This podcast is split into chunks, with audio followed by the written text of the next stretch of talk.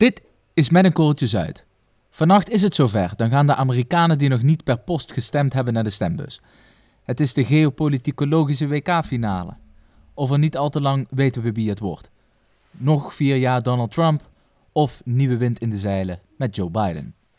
Vandaag in korreltje Zuid de Amerikaanse presidentsverkiezingen van 2020.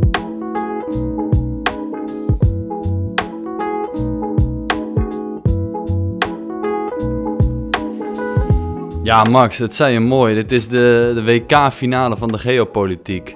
En eh, ik voel het in ieder geval wel echt zo. Jij, jij misschien ook, maar wij zijn natuurlijk wel ook gewoon echt twee nerds als het gaat om eh, geopolitiek en dat soort zaken. Mhm.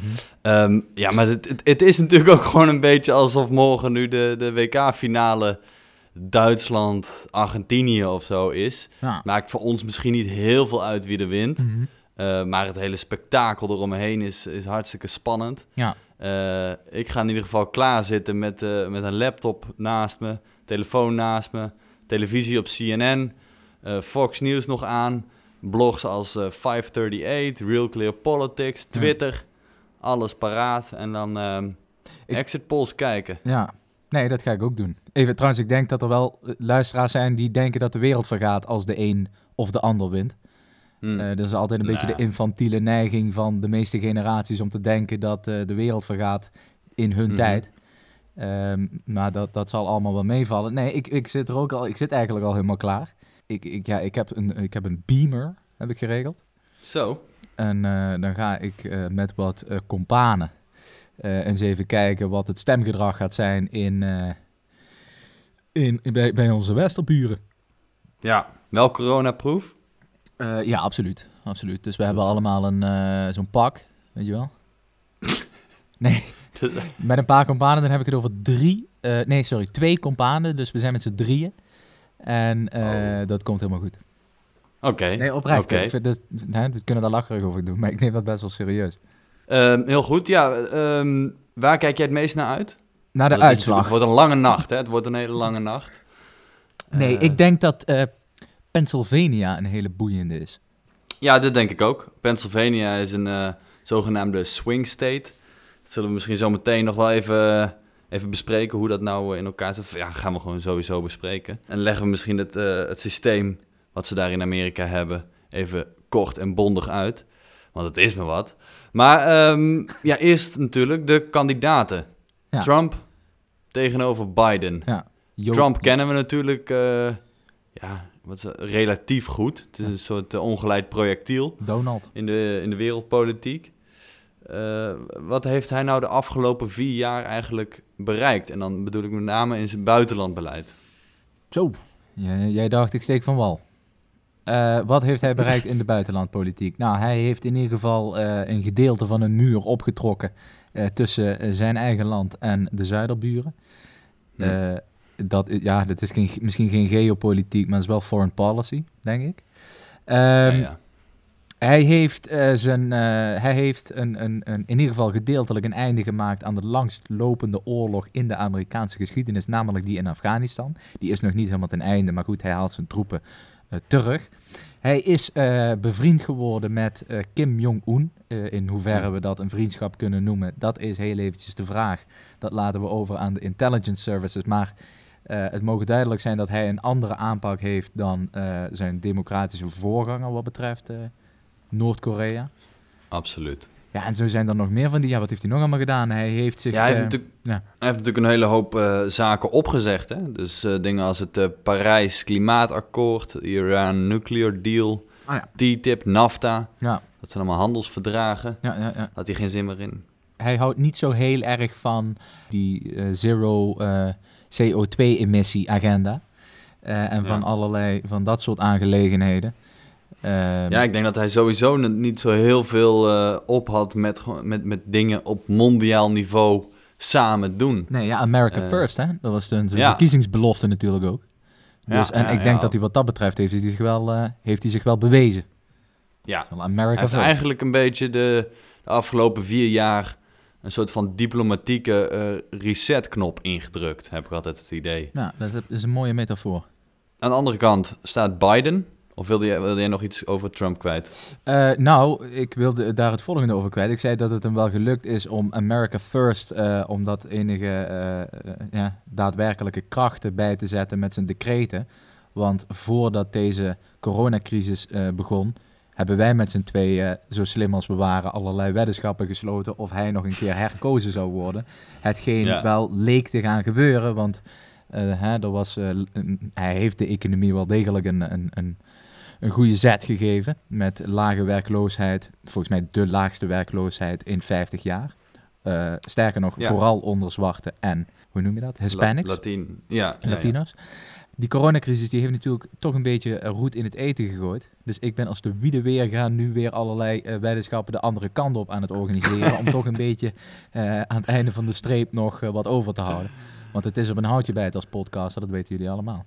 Um, Joe Biden, dat is zijn tegenstander. Ja. Ik neem aan dat je daar naartoe wilde. Ja, ja. Um, daar, ja, dat is natuurlijk ja, een verlengstuk van Obama. Hè? Dus ik denk dat als je wil weten wat Joe Biden uh, wil doen, dat je een beetje moet kijken ja. naar wat de Democraten onder, onder de leiding van Obama, sorry, Obama hebben gedaan.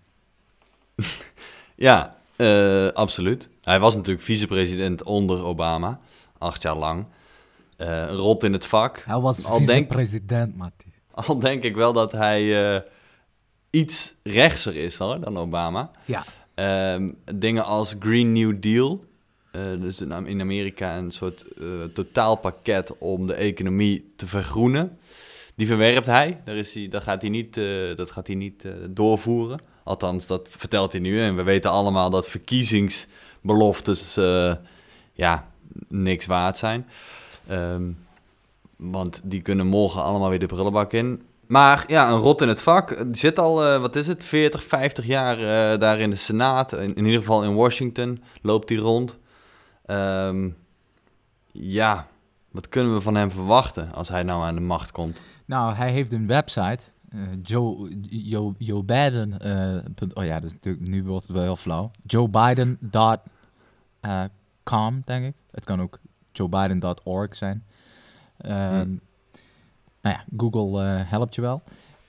En daar staan zijn plannen op. Een beetje zoals als je bijvoorbeeld naar het CDA, CDA.nl gaat, dan zie je de verkiezingsplannen van het CDA. Nou, datzelfde geldt voor, voor Joe. Um, en daar, staan een, ja, daar, staan hoe wil, hoe die, daar staat hoe die de, de zorg wil hervormen. Of hoe die gun violence wil tegengaan. Of hoe die uh, de opiatencrisis wil tegengaan. Vorige week een podcast hm. over gemaakt, zeker terugluisteren. En al dat soort zaken over hoe die de economie een boost wil geven. Over hoe die de werkende bevolking tegemoet gaat komen. Over hoe die tegenover immigratie staat, et cetera, et cetera. Um, ja. Maar dat is misschien te uitgebreid om dat nu hier in deze podcast te vangen. Overigens hebben wij daar al voor de patches, mensen die een patje afnemen, een extra aflevering voor gemaakt. Dus uh, die hebben daar al van kunnen genieten. Absoluut.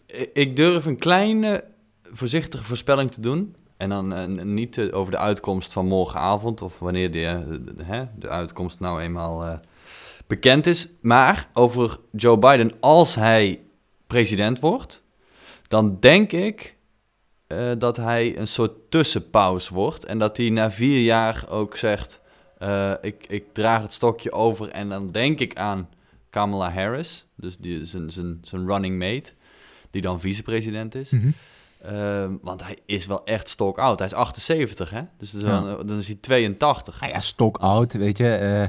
ik denk dat je daar wel eens gelijk in zou kunnen hebben. Ik denk overigens even over zijn. Um, presidentschap gesproken. Dat hij zich meteen weer zal aanmelden voor de verdragen waar de heer Trump is uitgestapt. Mm -hmm. Dus dan gaat het over die emissieverdragen en dat soort zaken.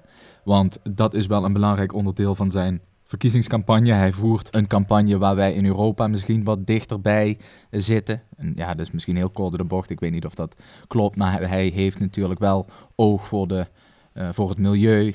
Oog voor ja, versoepeling van de integratie en dat soort dingen. Dat is misschien iets waar we in Europa wat, wat, wat, wat dichter op zitten, laat ik het zo zeggen. Ja, dat, dat is wel een interessante, want ja, kijk, in Europa zijn we tussen haakjes met z'n allen misschien wat meer uh, geneigd om uh, Joe Biden uh, te steunen. we waren allemaal in Europa groot fan en allemaal tot over de oren verliefd op eh, Barack Obama toen hij in 2008 aan de macht kwam. Maar Barack Obama zelf had eigenlijk helemaal niks met Europa. Hè? Dat boeide hem helemaal niet zoveel. Sterker nog, hij heeft die, uh, ja, een soort shift naar Azië gemaakt als Amerikaans buitenlandbeleid. Mhm. Uh, dus voorheen was Europa best wel belangrijk onder uh, Bush, onder Clinton. Obama vond Europa helemaal niet zo heel boeiend. Heeft zich daar een beetje van afgekeerd. En heeft zich veel meer gericht op, op Azië. Mhm. Um, Iets wat en- Joe Biden trouwens ook zegt te gaan doen, hè? Ja, ja, precies. Dus voor Europa als, als, als economische macht weet ik niet zo goed wat nou beter is. Een Joe Biden die ons ook maar een beetje links laat liggen. Ja, en Trump heeft ook niet zo heel veel met Europa. Eh, met Merkel kan die totaal niet vinden.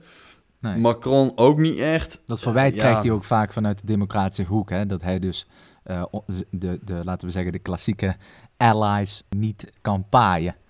Of Nee. niet eh, bij zich kan houden. Maar nu, ik weet niet of je het gezien hebt, er was dat laatste interview wat gedaan is eh, met Joe Biden en met eh, Trump, los van elkaar. Waar Trump, eh, dat was een, een uur interview, 60 minutes, Oh ja, 60 met bla bla bla. En nou, Trump die liep na 20 minuten weg. Dat was een beetje, dat begon eigenlijk al een beetje verhit. Die, die, dat interview was Mhm. eigenlijk meer een soort discussie. Was een beetje, ja, eigenlijk een heel raar interview. En Ja. die Joe Biden, eh, die heeft ook een interview gedaan. En daarin wordt hem gevraagd, wie is onze grootste ehm, threat? Oké, dus Oh ja. wie, en, en dan zegt hij, nou, ik denk dat onze grootste Bedreiging. nou, ja, dat, ja, niet zozeer bedreiging, maar hij, hij zegt onze grootste, ja inderdaad, threat, bedreiging is Rusland, maar onze grootste challenge is China. Dus dat lijkt er een beetje op alsof er weer een beetje over Europa heen gekeken wordt. Snap je wat ik bedoel? Ja, kijk, wij in Europa, of in Nederland al helemaal, hebben altijd wel het idee alsof wij on the top of the minds van de rest van de wereld zijn. Nederlanders vinden het natuurlijk ook altijd heel raar eh, dat buitenlanders niet begrijpen wat het verschil tussen Holland, de Netherlands en being Dutch is. Terwijl het natuurlijk compleet normaal dat als je uit, uit Nebraska komt, ehm, of zelfs uit New York, ja, Nederland is, is natuurlijk zo'n pukkie op de kaart. Zo, Dat is helemaal niet, dat is niet iets waar je je dagelijks mee bezighoudt. ja. Eh, dat is een beetje alsof wij allemaal weten hoe de verschillende kantons van Luxemburg eh, zich tot elkaar verhouden. Ja, dat is niet iets wat... Dat, Ik, heb, Ja. ik heb ooit een Mongoliër ontmoet. Zeg je dat zo? Mongoliër of een Mongool? Een Mongool. Mongoliër, denk ik. Ja, Mongolië. Ja. En die, die wist gewoon niet wat Nederland was. En toen probeerde ik het nog met Amsterdam, maar dat, ja, nee, dat, dat ging er ook echt niet in. Kende die gewoon niet. Nee, kende die niet. En het was toch een Mongoliër van de wereld, want hij woonde en studeerde in Japan. Ah, Of ja, maar van de wereld. Nederland bedoel had hij nog nooit van gehoord. Nederland, Nee. eh, pff, zei hem helemaal niks. Hollanda, Oranda, eh, de Netherlands, Amsterdam, Maastricht. eh, nee. Zuid-Limburg zei ik nog tegen hem, maar... Toen zei hij, oh, Zuid-Limburg. Toen kende hij het. Ja, nee, ik snap hem. Nee, daarom, dus wij in Europa hebben altijd het idee alsof wij zo heel belangrijk zijn. Nee, die Amerikanen, die, die ja, ik zei het al, die zijn veel meer bezig nu met, met Rusland, met eh, Azië. Dat is wat, wat ze veel belangrijker vinden. Ja, Europa is misschien leuk om een keer op vakantie te gaan. En dan het Colosseum te zien, de Eiffeltoren, maar meer niet.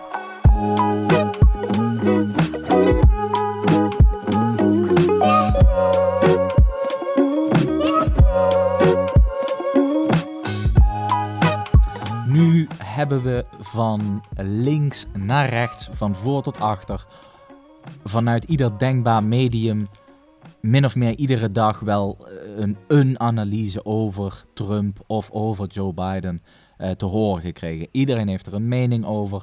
De voetbalkantines worden gevuld met conversaties over wie die verkiezingen gaat winnen. We hebben het er nu weer over. Maar wat misschien veel boeiender is, en daar gaan we het nu over hebben, is hoe je naar die verkiezingen moet kijken. Of überhaupt hoe er in Amerika gekozen wordt. En nu ben jij eh, daar eh, toch wel eh, de specialist in. Jij bent hier, je bent Mr. Gerrymander himself. Ja, nou nee, ik ben geen specialist hierin hoor. Er zijn he- heel veel mensen die hier heel veel meer van af weten, maar ik, heb, ik, ik, ik weet er wel een beetje van af. Het is namelijk een heel raar systeem wat ze in Amerika hebben. Als je dan toch denkt, dit is het land van eh, de democratie. Eh, nou, dan zou je, zou je denken, regel dat dan ook gewoon een beetje als een democratie. Eh, maar dat hebben ze dus ja, niet echt zo gedaan. Ik bedoel, Nederland heeft het eigenlijk, ik denk, misschien wel het allerbeste gedaan. Want in Nederland is het gewoon zo, als er gestemd wordt, en eigenlijk al die stemmen op één hoop, eh, dat deel je door 150. En dat getal eh, geeft aan hoeveel stemmen je nodig hebt voor één zetel in de Tweede Kamer. Vrij eenvoudig, zeg Ja. maar. Dit is gewoon hoe je het zou bedenken als je... Spoor. als je ja, nou ja, er zijn er natuurlijk wel wat uitzonderingen. Zo hebben de Duitsers of de Britten iets anders. Eh, de Amerikanen hebben eigenlijk een heel raar systeem, want Noord-Korea doen ze het ook anders. ja, daar gaat gewoon alles naar, naar Kim. Ja, is wel makkelijk tellen dan. Maar goed. Ja, Ehm, nee, in Amerika is het namelijk zo dat morgen eigenlijk helemaal geen eh, president gekozen wordt. Op 3 november, morgen, wordt er helemaal geen president gekozen. Wat wordt dan Het is gekozen? namelijk- Een nieuwe, Dan worden- nieuwe winterbanden. Ja, ja, klopt. Ja, eh, dat, dat heb je heel goed gezien. Nee, eh, er, worden de, ehm, er worden kiesmannen gekozen. Het is dus eigenlijk een soort twee-trap systeem. Morgen worden er kiesmannen gekozen. Dat zijn er in totaal 538. En als jij de helft plus één eh, kiesmannen achter je krijgt, dan, ja, dan win je eigenlijk de verkiezingen. Maar eigenlijk, eh, wacht, ik moet het even goed uitleggen. Morgen worden er kiesmannen gekozen. Er zijn 538 kiesmannen, verdeeld over de 50 staten. Nou zou je denken, als je dan zo'n systeem inricht, waarbij kiesmannen dus uiteindelijk de president verkiezen, doe dat dan niet met een even getal, maar met een oneven getal. Dat is misschien iets makkelijker. En dat hebben ze niet gedaan, 538. Dus eh, het doel morgen is om 269 kiesmannen achter je te krijgen. Ja. En hoe doe je dat? Nou, iedere staat na, na, na- eh, heeft een aantal kiesmannen te, te verdelen. Dus een staat als, volgens mij is California de grootste en Wyoming of zo is de kleinste. Dus hoe, hoe meer inwoners, hoe meer kiesmannen. Ehm, Wyoming. En dan, eh, ja, dan is het dus, eh, dus optellen totdat je de 269 hebt. En die kiesmannen en vrouwen, denk ik. Ik denk dat er ook vrouwen zijn. eh, die kiezen uiteindelijk eh, 14 december komen die bijeen. Of ik weet niet hoe dat gaat. Misschien is het wel gewoon in een Skype-meeting. Hm. Die kiezen dan de, daadwerkelijk officieel de president. Maar eh, Ehm. die zullen niet afwijken van het protocol, toch? Nee, die eh, volgens mij mogen die ook niet eens afwijken. Oh, maar dan is het toch geen Eh. kiezen? Dan is het toch gewoon... Nee, maar het ding is meer dat het dus juridisch of staatskundig zijn zij de mensen die de president kiezen en niet morgen de bevolking. Oké, maar dit is natuurlijk een beetje een formele eh, Ja. aangelegenheid.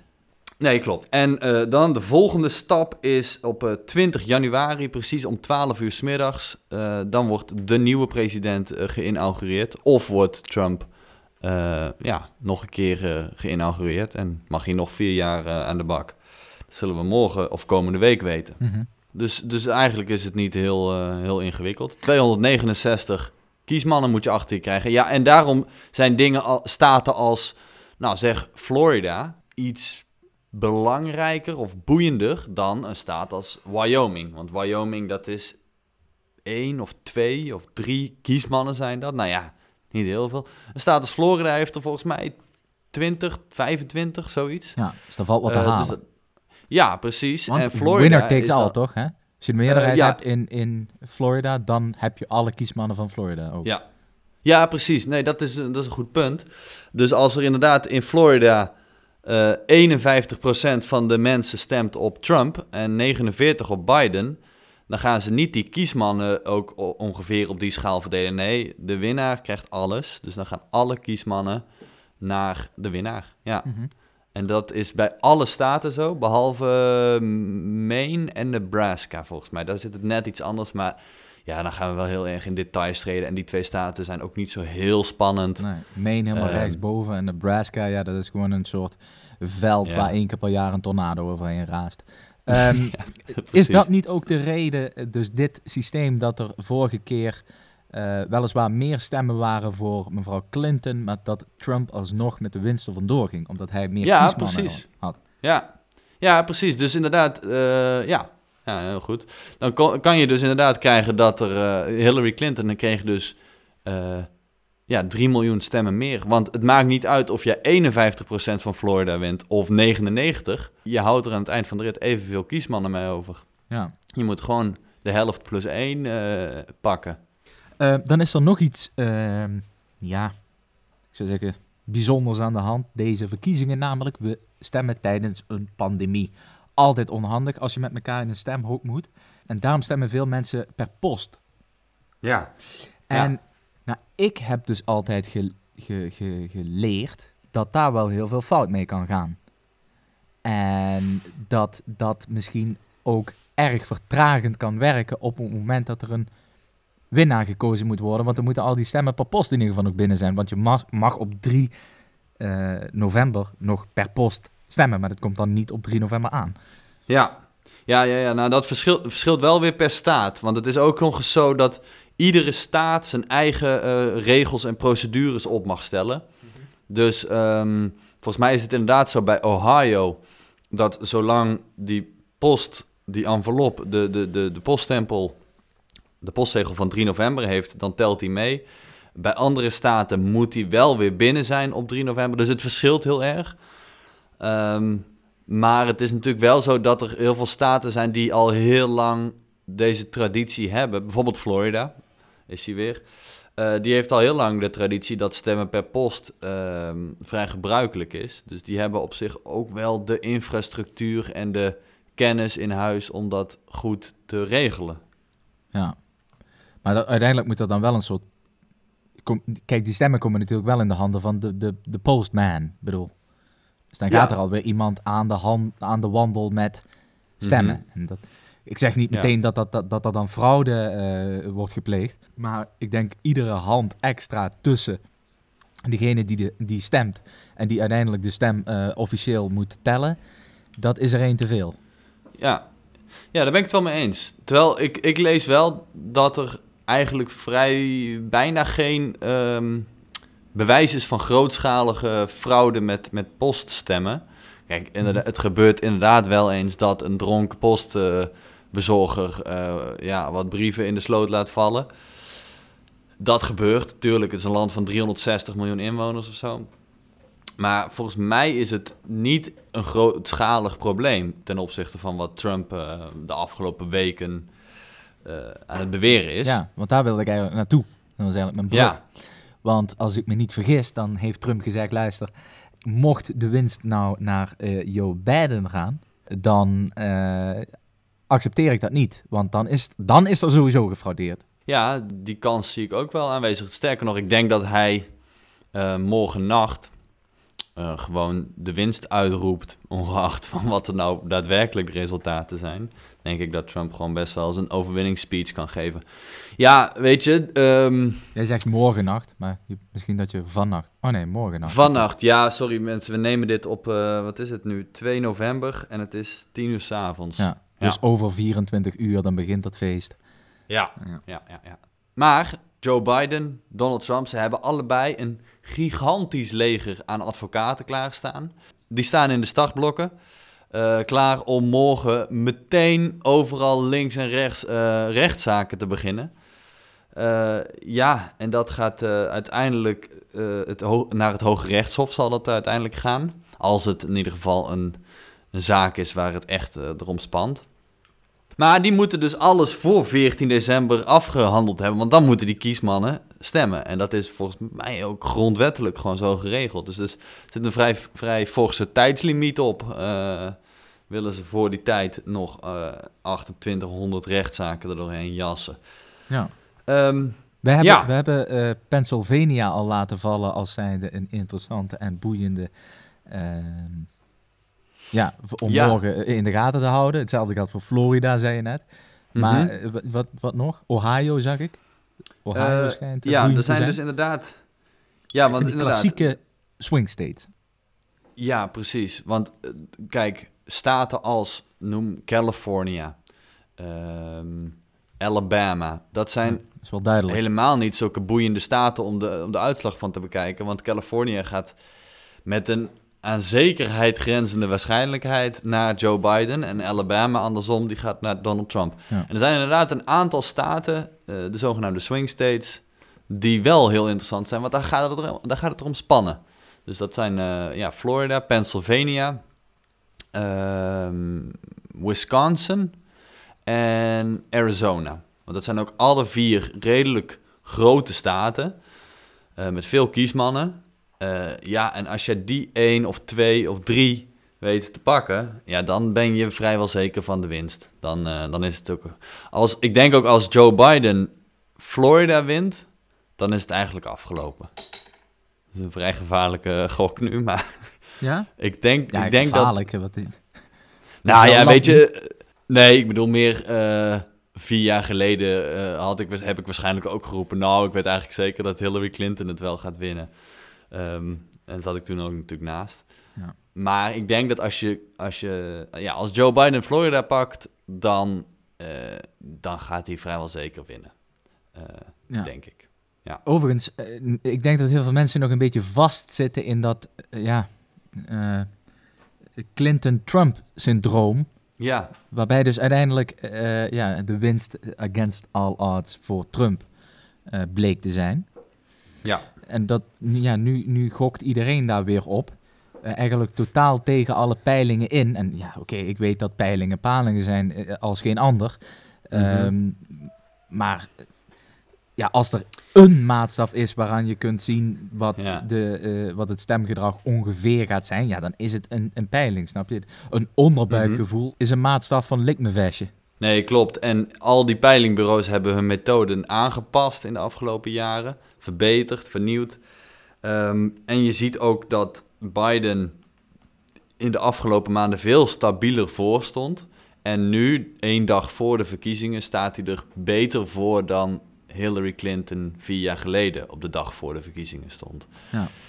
Ja, aan de andere kant, het zegt nog helemaal niks. En misschien dat eh, over twee dagen deze podcast gewoon weer de prullenbak in kan, omdat Trump eh, eh, ja, gewonnen heeft. Mag ik We daaruit opmaken dat wij van met een kooltje Zuid eh, ervan uitgaan dat Biden hier de winst gaat pakken? Ja, ik ga er wel vanuit. Voel jij daar Ehm. ook nog wat bij? Heb jij daar ook nog, of, zo wat, wil je ook echt dat die man daar wint morgen? En dat Trump? Nee, ja, nee, ik heb. mm, nee, ja, het is misschien flauw hoor om te zeggen, maar ik vind het eigenlijk echt een soort entertainment. En ik denk ook oprecht dat het hele, voor- ons in Nederland echt niet zo heel veel uitmaakt wie daar eh, in het Witte Huis zit. Eh, of dat nou Bush was, of dat Obama was en of dat nou Trump was en over, of het over een jaar nog steeds Trump is of dat het Biden is. Daar gaan jij en ik echt niet heel veel van merken. Zo. Kijk, heel, het kan natuurlijk heel toevallig zijn dat jij een, een bedrijf hebt waarmee je heel veel handel doet met Amerika. En dan kan het wel dat je er wat van merkt. Ja, maar die heb ik toevallig niet, dat bedrijf. Heb ik ook niet, weet je. Dus nee. Dus ik denk gewoon dat, we- ja, uiteindelijk merken wij daar niet zo heel veel van. En aan de andere kant is het ook zo dat een president in Amerika heeft wel veel macht. Maar het is, het is ook weer niet zo dat, dat hij als een soort dictator in zijn eentje dat hele land op zijn kop kan zetten. Eh, of, of ja, misschien dat het wel kan, maar dat gebeurt gewoon niet. Zo'n zo'n zo'n land als Amerika is gewoon, moet je misschien zien als een, als een gigantische stoomboot die over zee vaart. En eh, eens in de vier jaar wisselt dat van kapitein en die kan misschien een paar graden die koers eh, bijstellen. Ik denk gewoon niet dat zo'n president eh, het roer om kan draaien en, en Amerika een volledig ander land kan maken in Nee. een tijdsbestek van vier jaar. Nee, dat denk ik ook niet. Maar eh, eh, ik denk wel dat de wetenschappelijke overeenstemming nog altijd is dat de wereld toch een eh, unipolaire wereld is. Eh hetgeen Mhm. inhoudt dat er één hegemon is, één baas. Eh, en dat dat Amerika nog is. Misschien dat dat wel snel verandert, maar dat is op dit moment nog Amerika. Dus wat dat betreft is het toch wel handig dat zij niet al te recalcitrant eh, als een soort olifant in een porseleinwinkel eh, de hele, laten we Mhm. zeggen, internationale sfeer aan gort trappen. Hetgeen volgens sommigen wel gebeurd is onder de vleugels van, van Trump. Door Trump eigenlijk. In mij interesseert het eigenlijk helemaal geen reet. Wie er, wie er wint. Eh. Nou ja, kijk, ik denk dat ze in het Midden-Oosten nu op gespannen voet kijken naar wat, eh, wat er gaat gebeuren in Amerika. Ja, pak nou een land als Afghanistan. eh, die zijn al lang blij dat Amerika zich niet meer zo eh verpaardskeutelt, zeggen we in Maastricht, op die grondstoffen die daar liggen. En dat ze netjes hun troepen terugtrekken. Ehm, ja, en die houden natuurlijk hun hart vast als er dan weer een, een, ja, Ja. Een, een, een, een, een wissel is. Nee, absoluut. Maar ik denk, kijk, uiteindelijk kijken ze in Europa, dat klinkt natuurlijk altijd zo mooi. Hè? Wij, wij in Europa kijken ook gespannen naar zo'n verkiezing. Ehm, maar dat betekent gewoon niet dat het voor, voor Frits uit Annapolona eh, nou echt een, een verandering in zijn leven gaat, eh, gaat veroorzaken. Nee. Zou dat naar Frits?